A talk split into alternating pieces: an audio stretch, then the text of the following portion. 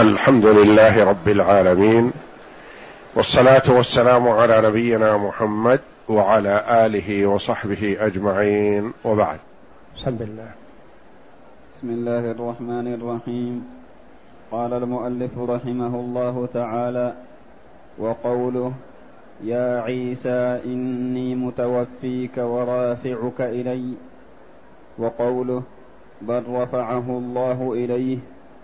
وقوله إليه يصعد الكلم الطيب والعمل الصالح يرفعه وقوله يا هامان ابن لي صرحا لعلي أبلغ الأسباب أسباب السماوات فأطلع إلى إله موسى وإني لأظنه كاذبا وقوله أأمنتم من في السماء أن يخسف بكم الأرض فإذا هي تمور؟ أم أمنتم من في السماء أن يرسل عليكم حاصبا فستعلمون كيف نذير. هذه الآيات الكريمة أوردها شيخ الإسلام ابن تيمية رحمه الله في العقيدة الواسطية للدلالة على إثبات صفة العلو لله تبارك وتعالى. وصفة العلو لله تبارك وتعالى ثابتة بالكتاب والسنة.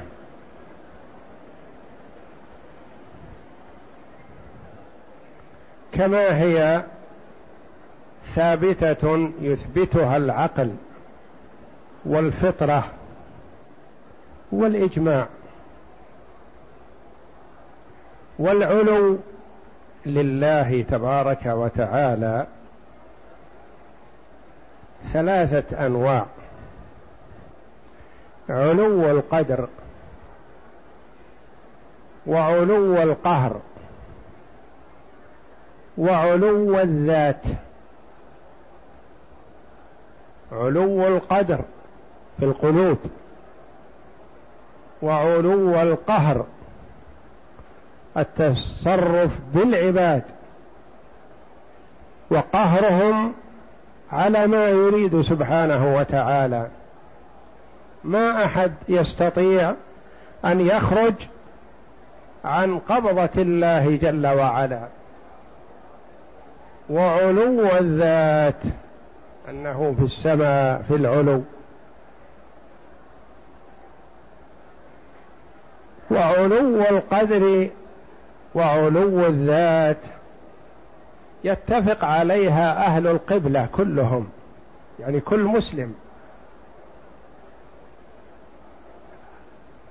يعني إذا قلنا أهل القبلة يشمل أهل السنة وأهل البدعة لأن البدعة أهل البدعة يقال لهم من أهل القبلة لأنهم يصلون يصلون للقبلة. كما مثل قولنا مثلا أمة الدعوة وأمة الإجابة بالنسبة لمحمد صلى الله عليه وسلم. أمة الدعوة كل من وجد على هذه الأرض من بعثته صلى الله عليه وسلم إلى أن يرث الله الأرض ومن عليها من الجن والإنس مسلم أو كافر فهم كلهم يقال له أمة الدعوة يعني مدعوون إلى توحيد الله وإلى عبادة الله. أمة الإجابة هم من استجاب لدعوة محمد صلى الله عليه وسلم وهم المسلمون من الجن والإنس. كذلك إذا قلنا مثلا أهل القبلة وأهل السنة وأهل البدعة أهل القبلة يشمل كل من صلى حتى أهل البدعة. وأهل السنة والجماعة من أخذ بسنة رسول الله صلى الله عليه وسلم وعض عليها بالنواجذ واتبع هدي صحابته رضي الله عنهم وأرضاهم. هؤلاء أهل السنة والجماعة. وأهل البدعة هم من شذ. يمينا أو شمالا ابتدع في الأقوال في الأفعال في الاعتقاد. ابتدع في صفات الباري جل وعلا ابتدع في التكاليف الشرعية ابتدع يقال لهم أهل البدعة يعني ما أخذ بالسنة. وقد يكون عنده شيء من الصواب في ناحية وعنده شيء من الخطأ في ناحية أخرى. وأهل السنة من مبدأهم أنهم يخطئون ولا يكفرون. انتبه لهذا.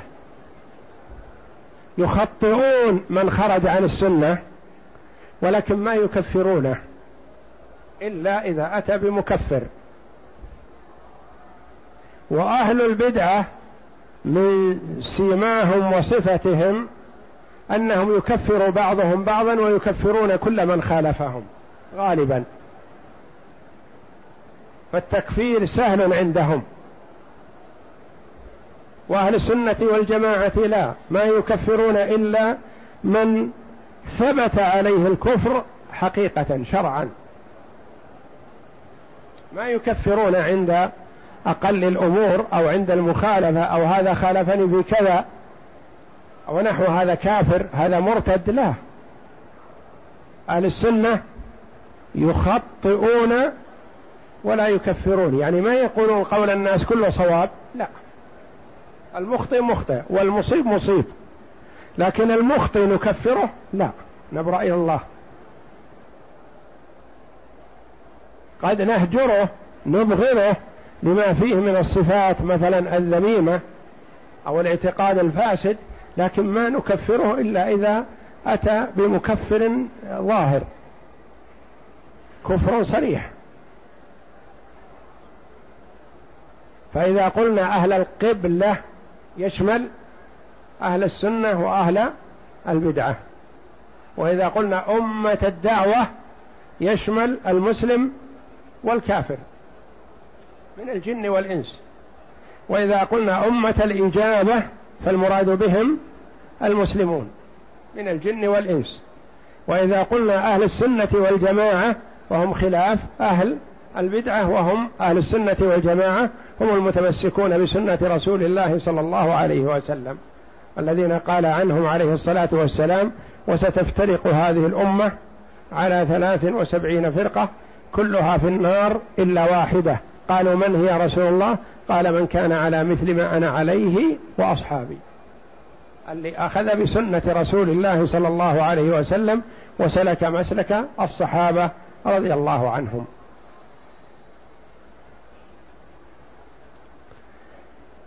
فعلو الله جل وعلا علو القدر وعلو القهر يؤمن به كل أهل القبلة.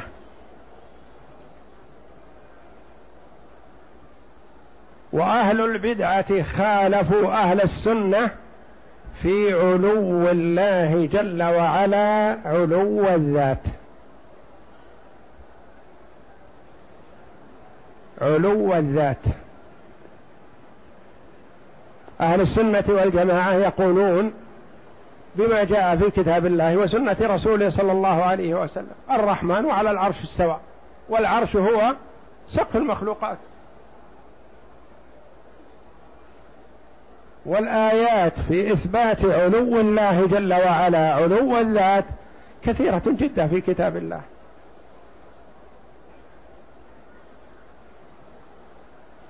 أهل البدعة ينكرون هذا. لما؟ يقولون لأن إذا أثبتنا علو الذات أثبتنا الجهة لله. وإذا أثبتنا الجهة أثبتنا التحيز أنه منحاز في جهة ما. وأن السماء تقله. تعالى الله نقول له. نثبت ما أثبته الله جل وعلا لنفسه وأثبته لرسوله صلى الله عليه وسلم وما أثبته الله لنفسه وأثبته رسوله له صلى الله عليه وسلم ما يلزم عليه نقص ابدا. ما يمكن أن نقول إثبات ما أثبته الله يلزم فيه نقص ابدا. لأنه لا أحد أعلم من الله جل وعلا بالله من نفسه. ولا أحد من الخلق أعلم بالله من رسوله صلى الله عليه وسلم. فلا يمكن أن يصف الرسول صلى الله عليه وسلم ربه بشيء يلزم عليه نقص أو يلزم عليه محذور أبدا.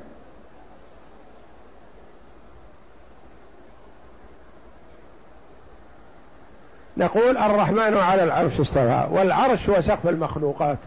والله جل وعلا فوق العرش وليس فوق العرش مخلوق أبدا وإنما الخالق جل وعلا وحده. وهو جل وعلا ليس في خلقه وخلقه ليسوا في شيء من ذاته. تعالى وتقدس. هم يقولون ننكر صفة العلو. طيب ماذا تقولون؟ تقولون أسفل؟ يقول لا. يمين شمال؟ لا. هم طوائف. منهم من قال مثلا لا فوق العالم ولا حدر العالم ولا يمين العالم ولا شمال العالم. أين يكون تعالى وتقدس؟ لا فوق ولا تحت ولا يمين ولا شمال. ما نثبت جهة ننزه الله عن الجهة. وآخرون يقولون هو في كل مكان. أخس. أولئك كلامهم غير معقول لكنه ليس مثل هؤلاء في الدناءة والخسة. الآخرون يقولون هو في كل مكان. يعني قل سبحان ربي الأعلى أو قل سبحان ربي الأسفل كل واحد. تعالى الله. نقول عقلا. هداكم الله. لو واحد قال لك أنت أسفل من فلان ألا تغضب؟ تغضب إذا قيل لك السفل وجعلت فيه وترضى أن يكون لله تبارك وتعالى. بالله عليك أيهما أفضل وأشرف وأعز؟ أن يقال فوق أو يقال تحت.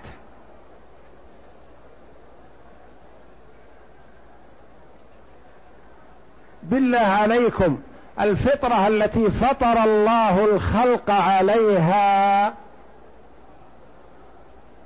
فطرهم على أن ربهم فوق. الجارية التي أحضرها الرجل للنبي صلى الله عليه وسلم جارية أمة مملوكة جاهلة مسكينة. جاء بها رجل يريد أن يعتقها هل يكفي يجزي إعتاق هذه أو لا؟ فسألها النبي صلى الله عليه وسلم قال أين الله؟ قالت فوق. فوق. قال ومن أنا؟ قالت أنت رسول الله. قال أعتقها فإنها مؤمنة. جارية تقول هذا.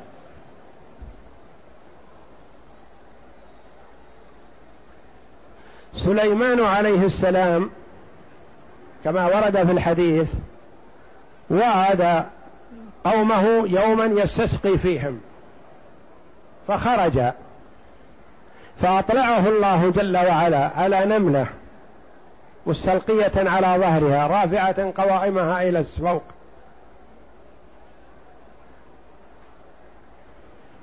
اللهم لا تمنع عنا سقياك.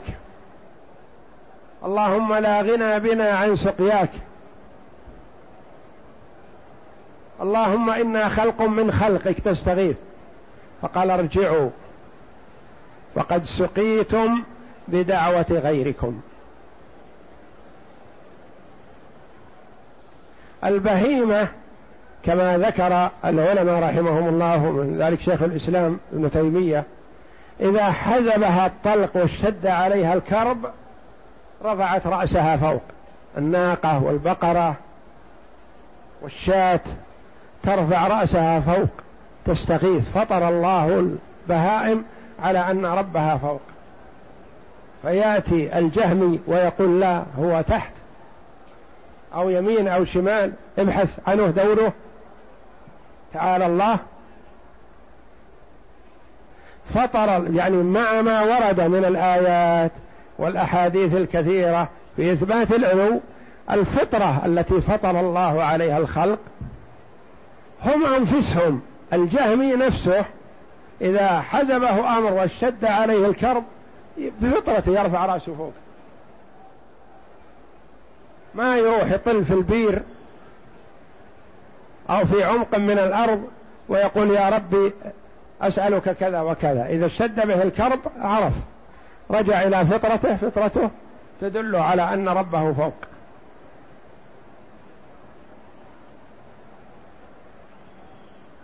ولكن الانتكاس والعياذ بالله وتسلط الشيطان عليهم وتسليمهم القيادة له من أنفسهم بهذا هلكوا. الإمام شيخ الإسلام ابن تيمية رحمه الله أورد هذه الآيات لإثبات صفة العلو لله تبارك وتعالى. وهذه الأدلة صريحة في إثبات علو الذات. وإلا كما تقدم فعلو القهر وعلو القدر ما يخالف فيه أهل البدعة. ما يقولون لا قدر لله جل وعلا عند في القلوب أبدا. ولا يقولون إنهم يستطيعون أن يخرجوا من قبضة الله. لا. ولكنهم ينكرون علو الله على خلقه. وعلو الله جل وعلا على خلقه ثابت بالكتاب والسنة. وإجماع السلف الصالح قبل وجود الفرق المبتدعة. ويدرك ذلك بالعقل. العقل وبالفطرة السليمة.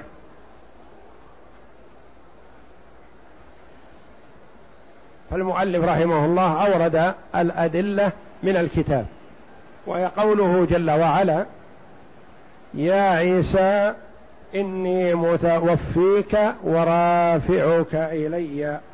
الآية. الشاهد عندنا قوله ورافعك إلي. والخطاب لعيسى ابن مريم على نبينا وعليه أفضل الصلاة والسلام.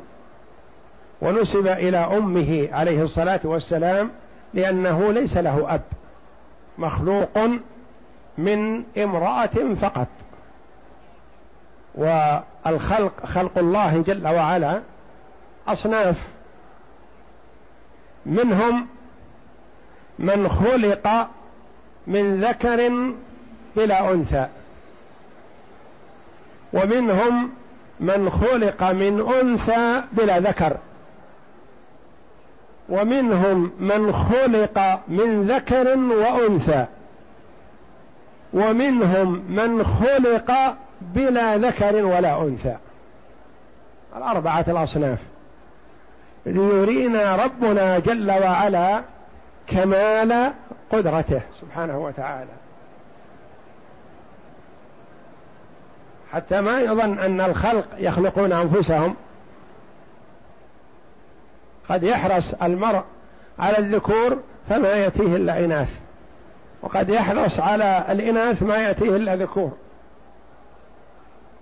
وقد يحرم الله من شاء من خلقه من الذكور والإناث مع الزواج وتعدد الزوجات ما يحصل. أن الأمور كلها بيد الله. فآدم عليه السلام خلق من غير ذكر ولا أنثى. خلقه الله بيده. وحواء خلقت من ذكر بلا أنثى. وعيسى خلق من أنثى بلا ذكر. وسائر الخلق من ذكر وأنثى. فيقول الله جل وعلا يا عيسى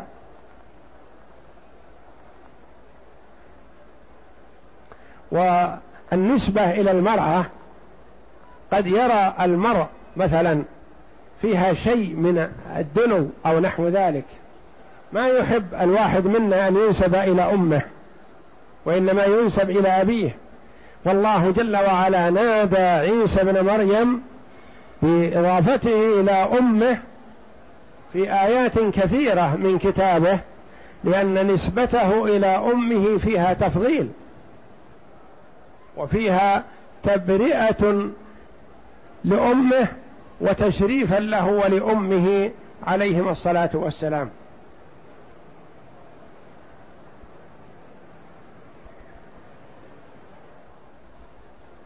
قول الله جل وعلا يا عيسى إني متوفيك. متوفيك. الوفاة هذه ما المراد بها؟ الوفاة هذه تدل تأتي على ثلاثة معاني. متوفيك يعني بمعنى منيمك. نوم.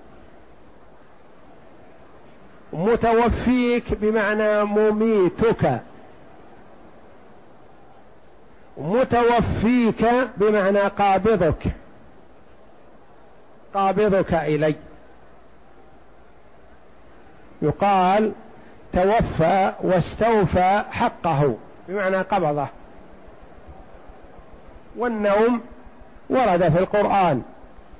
تسميته بالوفاة في قوله تعالى وهو الذي يتوفاكم بالليل ويعلم ما جرحتم بالنهار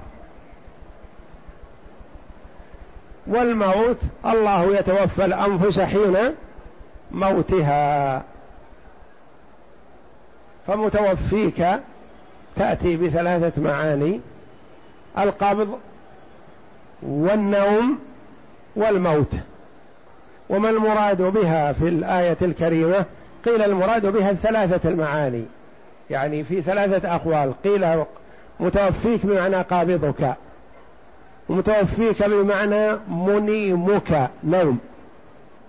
متوفيك بمعنى مميتك. وكلها قال بها كل واحد منها قال به بعض العلماء رحمهم الله والمعنى صحيح. متوفيك بمعنى قابضك؟ نعم. قبضه الله جل وعلا إليه ورفعه. متوفيك بمعنى منيمك؟ نعم. ألقى الله جل وعلا عليه النوم ورفعه. متوفيك بمعنى أميتك؟ كل نفس ذائقة الموت. لا بد. وإن, ك... وإن كان حيا عليه الصلاة والسلام الآن ليس بميت بل هو حي وينزل في آخر الزمان كما ثبت في الأحاديث الصحيحة ويحكم بشريعة محمد صلى الله عليه وسلم إلا أنه بعد هذا سيموت. كل نفس ذائقة الموت. وكلها ممكن تتأتى في حق عيسى عليه الصلاة والسلام. إني متوفيك ورافعك إلي. رافعك. رفع. ألا تدل هذه على أن الله جل وعلا فوق؟ يقول أرفعك إلي. ما قال أنزلك عندي. فيكون أسفل. تعالى الله. رافعك. فقوله جل وعلا لعيسى عليه الصلاة والسلام رافعك إلي دل على أن الله جل وعلا فوق.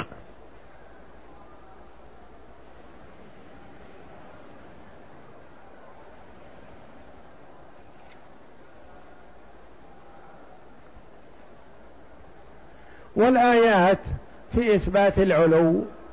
كثيرة جدا لا حصر لها والمؤلف رحمه الله أورد هذه الآيات للتمثيل لا للحصر.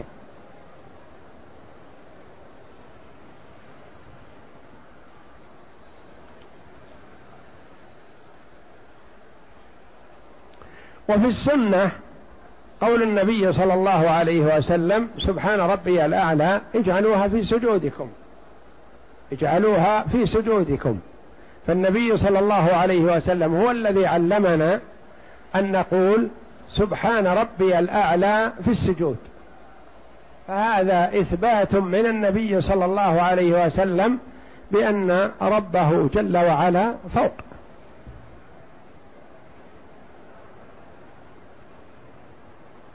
وورد لما ذكر صلى الله عليه وسلم السماوات وما بيننا وبين السماء الدنيا وما بين السماء الدنيا والسماء الثانية وكتف كل سماء إلى آخر الحديث قال والله فوق العرش. والعرش هو سقف المخلوقات.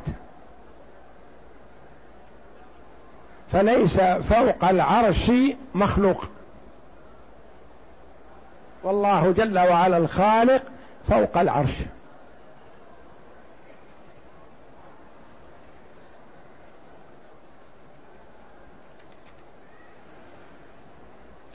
وإقراره صلى الله عليه وسلم للجارية التي سألها أين الله؟ قالت في السماء.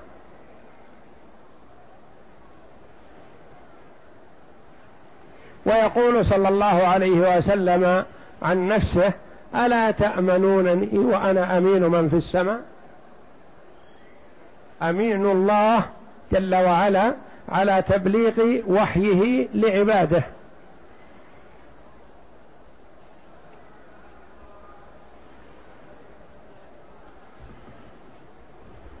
وفعله صلى الله عليه وسلم حينما كان يخطب في مجمع الحجيج عليه الصلاة والسلام ويسأل من حوله هل بلات؟ قالوا نعم. ويرفع أصبعه إلى السماء يشهد الله جل وعلا على إقرارهم بالبلاغ. وثبت عنه صلى الله عليه وسلم الإشارة بالسبابة إلى العلو الإشارة إلى الجهة التي فيها الله جل وعلا وهي جهة العلو.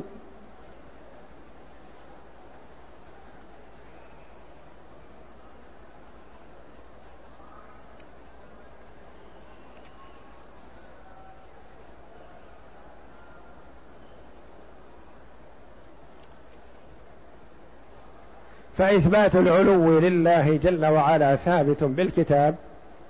والسنة والعقل. العقل السليم يدرك أن جهة العلو أفضل من جهة السفل واليمين والشمال. والعقل السليم يختار لله جل وعلا أفضل الجهات. فلا يقول العقل إن أفضل الجهات جهة العلو والله جل وعلا في السفل تعالى وتقدس.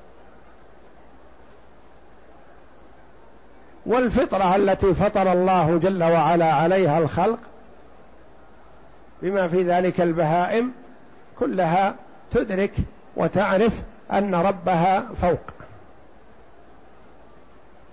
فلا خير في من النملة أعرف بالله جل وعلا منه.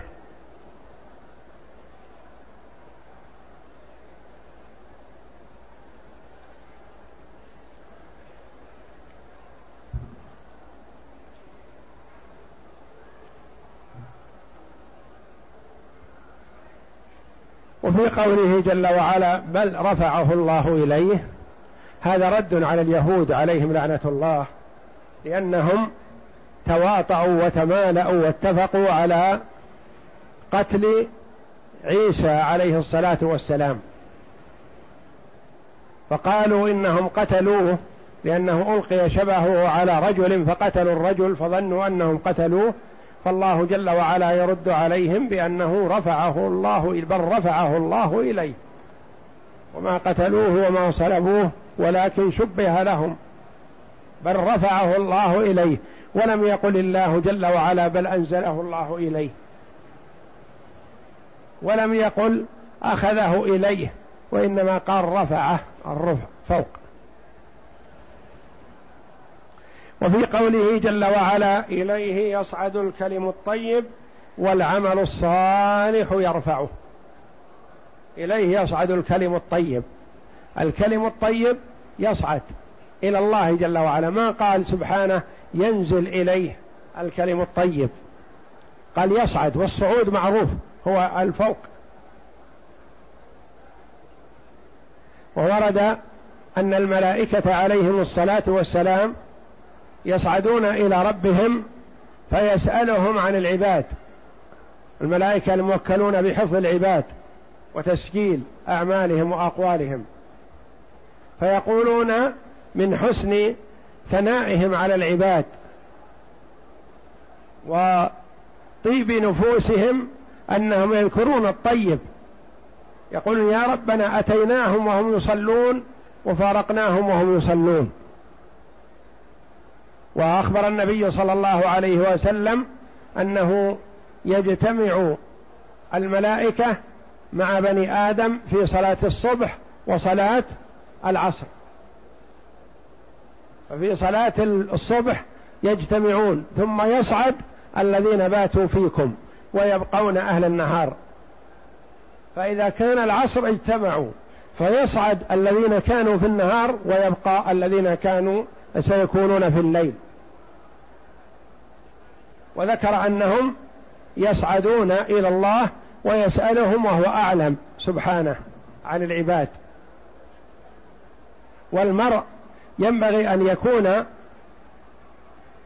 يحاول الاتصاف بالصفات الطيبة صفات الملائكة. إذا سئل عن شخص يذكر أحسن ما فيه.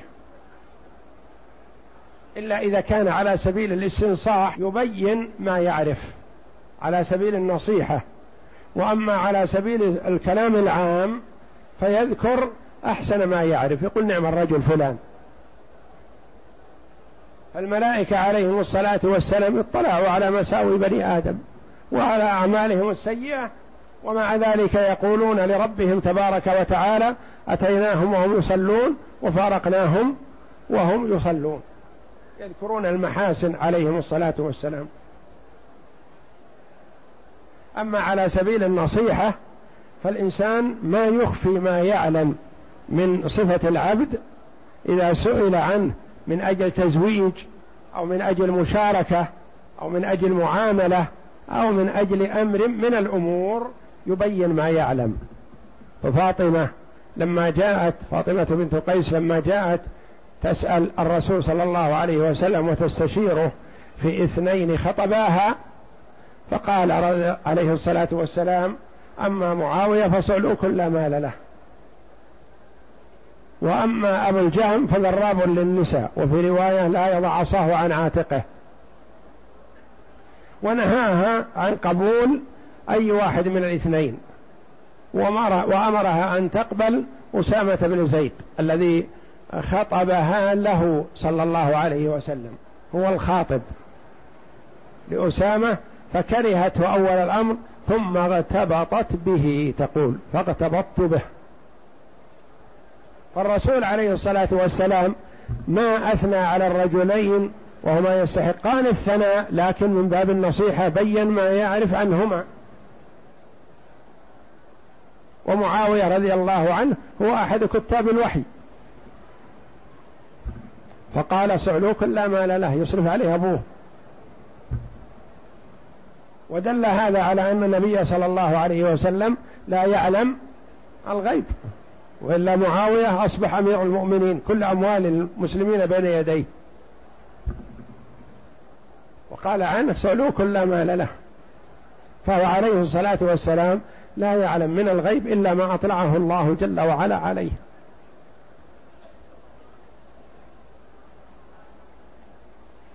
إليه يصعد الكلم الطيب والعمل الصالح يرفعه.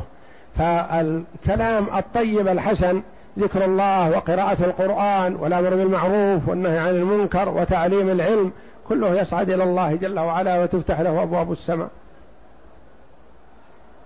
والعمل الصالح يرفعه. العمل الصالح يرفع إلى الله جل وعلا. والصلاة كما ورد في الحديث أنها تصعد ولها نور. فتفتح لها أبواب السماء وتقول حفظك الله كما حفظتني. وإذا صلى صلاة سورية لا روح لها. إذا صعدت لا تفتح لها أبواب السماء. ثم تلف كما يلف الثوب الخلق ويرمى بها وجه صاحبها وتقول ضيعك الله كما ضيعتني. فالشاهد عندنا قوله جل وعلا إليه يصعد. إليه يصعد يعني فوق. الكلم الطيب والعمل الصالح يرفعه يرتفع إليه تبارك وتعالى.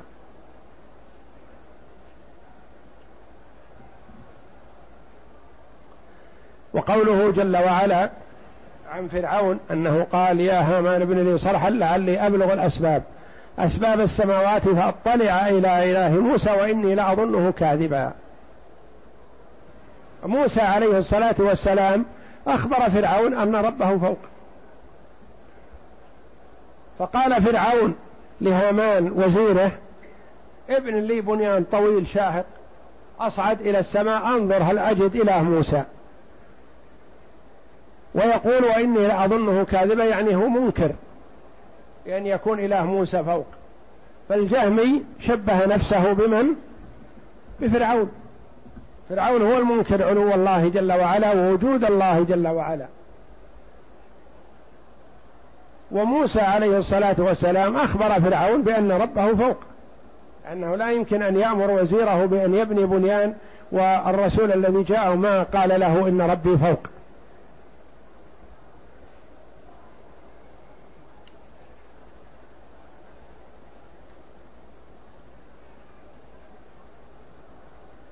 وقوله جل وعلا أأمنتم من في السماء أن يخسف بكم الأرض فإذا هي تمور؟ أم أمنتم من في السماء أن يرسل عليكم حاصبا فستعلمون كيف نذير؟ يعني ما يليق بكم أن تأمنوا مكر الله. ولا يمكن أن يقول أحد أنني أسلم من قبضة الله. يمكن يأتيك العذاب من فوق ويمكن يأتيك العذاب من تحت. فالله جل وعلا على كل شيء قدير. فلا يأمن العاقل من عذاب الله ومقته وغضبه من أي جهة كان. وقد يأتي عذاب الله من أضعف مخلوق. وقد يأتي عذاب الله من حيث يفتخر المرء ويتعاظم. ففرعون اللعين افتخر بماذا؟ وهذه الأنهار تجري من تحتي فجعل الله هلاكه فيها. والنمرود الذي آذى موسى آذى إبراهيم على نبينا وعليه أفضل الصلاة والسلام سلط الله عليه بعوضة. بعوضة أضعف وأصغر خلق الله فأهلكته.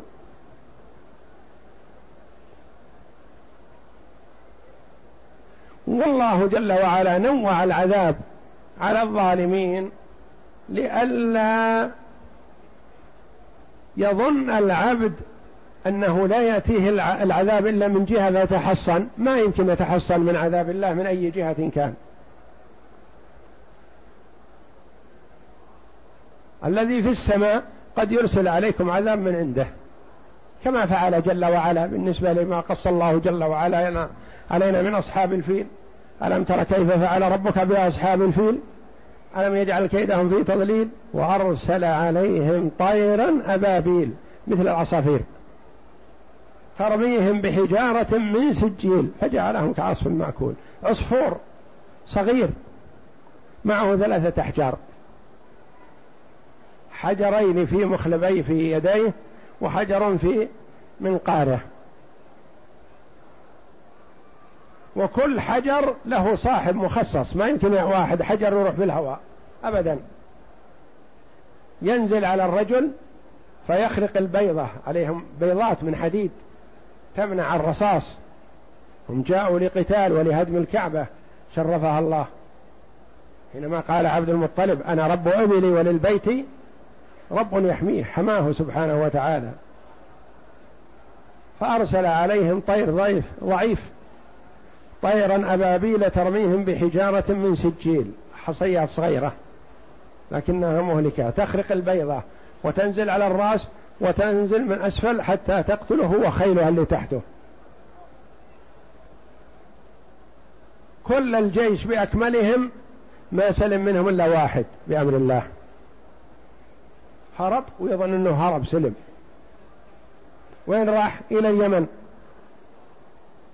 وأخبر خبر الذي حصل وما فعل الجيش وما وقع عليه وما قال وما قيل له وحينما جاءه عبد المطلب وكذا إلى آخره وانتهى أعطى الأخبار كلها. فإذا حصاه حصاته فوق رأسه تنزل عليه وتقتله ليريهم الله جل وعلا ما فعل بأصحابهم. الله أكبر.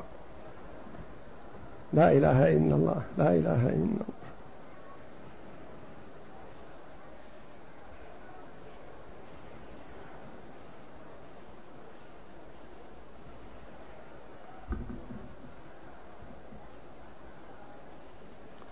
آمنتم من في السماء أن يخسف بكم الأرض فإذا هي آمنتم من في السماء آمنتم من في السماء أن يخسف بكم الأرض فإذا هي تمور. الأرض الصلبة القوية الشديدة يجعلها الله جل وعلا بأمره تنخسف.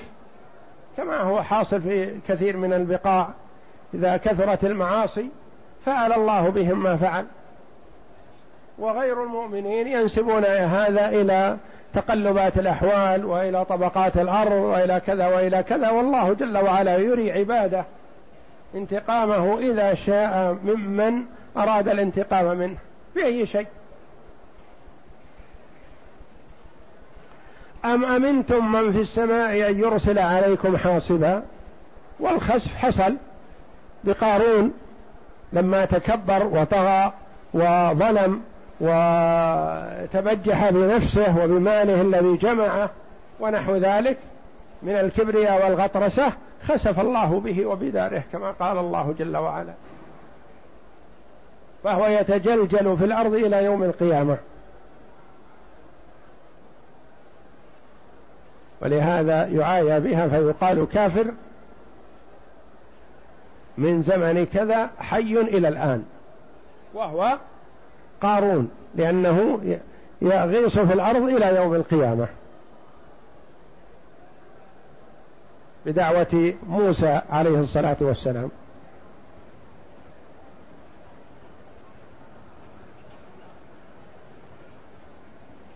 أم أمنتم من في السماء يرسل عليكم حاصبا حصبا؟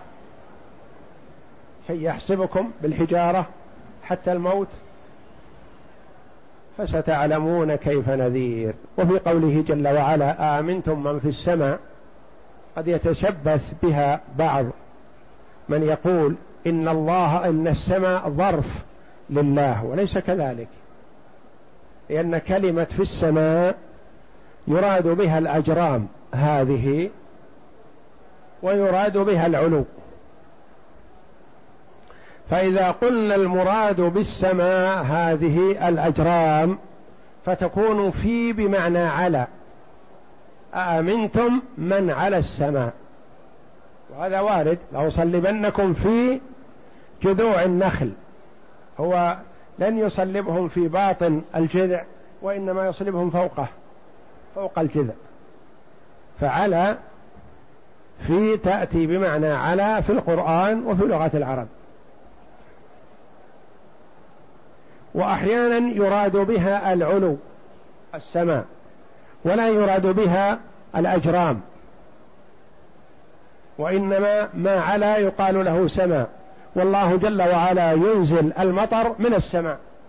وليس المطر يأتي من السماء الأجرام هذه وإنما يأتي من السحاب بين السماء والأرض فهو في جهة العلو.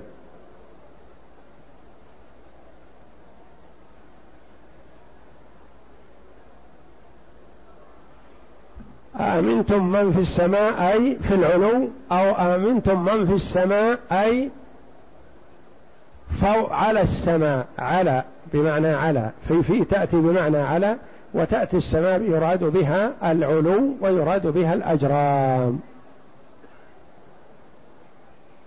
اقرأ. يقول الشارح رحمه الله تعالى وقوله يا عيسى إلى آخره هذه الآيات جاءت مؤيدة لما دلت عليه الآيات السابقة من علوه تعالى وارتفاعه فوق العرش مباينا للخلق وناعية على المعطلة جحودهم وإنكارهم لذلك تعالى الله عما يقولون علوا كبيرا. ففي الآية الأولى ينادي الله رسوله وكلمته عيسى ابن مريم عليه الصلاة والسلام بأنه متوفيه ورافعه إليه حين دبر اليهود عليهم لعنة الله قتله. متوفيه؟ يعني بمعنى قابضه أو بمعنى منيمه أو بمعنى مميته. وكلها ممكن لكن مميته يكون بعد أن ينزل إلى السماء إلى الأرض ويحكم بشريعة محمد صلى الله عليه وسلم والأقرب والله أعلم أن يقال فيها المعنيين الاثنين قابضك ومنيمك لأن الله جل وعلا ألقى عليه النوم فقبضه ورفعه إليه نعم. والضمير في قوله إلي هو ضمير الرب جل شأنه لا يحتمل غير ذلك. فتأويله بأن المراد إلى محل رحمتي أو مكان ملائكتي إلى آخره لا معنى له. يا سبحان الله هل يصح أن نقول مكان الملائكة فوق؟ والله في كل مكان تعالى وتقدس. يعني مكان الملائكة أفضل من مكان الله تعالى. والله جل وعلا لا يقال له مكان وإنما هو في جهة العلو. وهو بائن من الخلق. فهو جل وعلا ليس محتاجا إلى الخلق وليس محتاجا إلى العرش ولا إلى الكرسي ولا إلى أحد من خلقه. والخلق كلهم محتاجون إليه تبارك وتعالى. نعم. ومثل ذلك يقال أيضا في قوله سبحانه ردا على ما ادعاه اليهود لعنهم الله. من قتل عيسى وصلبه عليه السلام. يقول إنهم قتلوه وصلبوه. ولهذا النصارى من غلوهم في عيسى يعبدون الصليب. يضعون الصليب كأنه إقرار منهم على أن اليهود قتلوا عيسى وصلبوه. وليس الأمر كذلك. فتشبثهم وتعلقهم بالصليب جهل وضلال. وهم الذين أخبر الله جل وعلا عنهم أنهم يعبدونه على جهل وضلال وإلا فعيسى ما قتل وما صلب عليه الصلاة والسلام وإنما رفعه الله إلى السماء. فجهل وضلال من النصارى أن يتشبثوا ويتعلقوا بالصليب كأنهم مصدقين لليهود ومكذبين لله. كأنهم مصدقين لليهود إن اليهود قتلوه وصلبوه وهم يعبدون الصليب. وكذبوا الله لأن الله جل وعلا قال وما قتلوه وما صلبوه ولكن شبه لهم. والله جل وعلا في توفيقه لهذه الأمة ولمحمد صلى الله عليه وسلم ولأمته في دعوته في الفاتحة اهدنا الصراط المستقيم صراط الذين أنعمت عليهم وهم النبيون والصديقون والشهداء والصالحون. صراط الذين أنعمت عليهم غير المغضوب عليهم وهم اليهود. غضب الله عليهم لأن عندهم علم فلم يعملوا به. ولا الضالين وهم النصارى الذين يعبدون الله على جهل وضلال. فمن ضلالهم عبادتهم وتقديسهم للصليب تصديق لليهود وتكذيب لله تبارك وتعالى. نعم. وقد اختلف في المراد بالتوفي المذكور في الآية فحمله بعضهم على الموت والأكثر. على الموت وليس الآن إني متوفيك الآن. إني متوفيك لأن كل نفس ذائقة موت إلى الأجل الذي حدد الله له لأنه يموت عليه الصلاة والسلام كما يموت غيره لكن بعدما ينزل إلى الأرض ويحكم بشريعة محمد صلى الله عليه وسلم. والأكثرون على أن المراد به النوم ولفظ المتوفى يستعمل فيه. قال تعالى وهو الذي يتوفاكم بالليل ويعلم ما جرحتم بالنهار. يتوفاكم بالليل يعني في النوم. فالنوم يعتبر وفاة وفاة صغرى. وسماه الله جل وعلا وفاة. نعم. ومنهم من زعم أن في الكلام تقديما وتأخيرا. وأن التقدير إني رافعك ومتوفيك.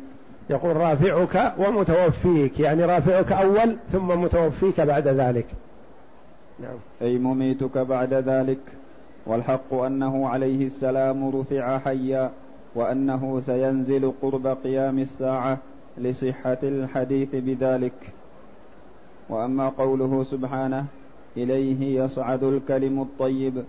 فهو صريح أيضا في صعود أقوال العباد وأعمالهم إلى الله عز وجل يصعد بها الكرام الكاتبون كل يوم عقب صلاة العصر وعقب صلاة الفجر كما جاء في ذلك كما جاء في الحديث.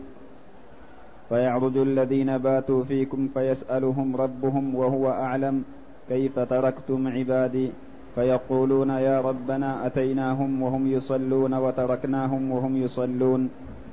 وأما قوله سبحانه حكاية عن فرعون يا هامان ابن لي صرحا إلى آخره فهو دليل على أن موسى عليه السلام أخبر فرعون الطاغية بأن إلهه في السماء فأراد أن يلتمس الأسباب للوصول إليه تمويها على قومه فأمر وزيره هامان أن يبني له الصرح ثم عقب على ذلك صرح البناء المرتفع العالي.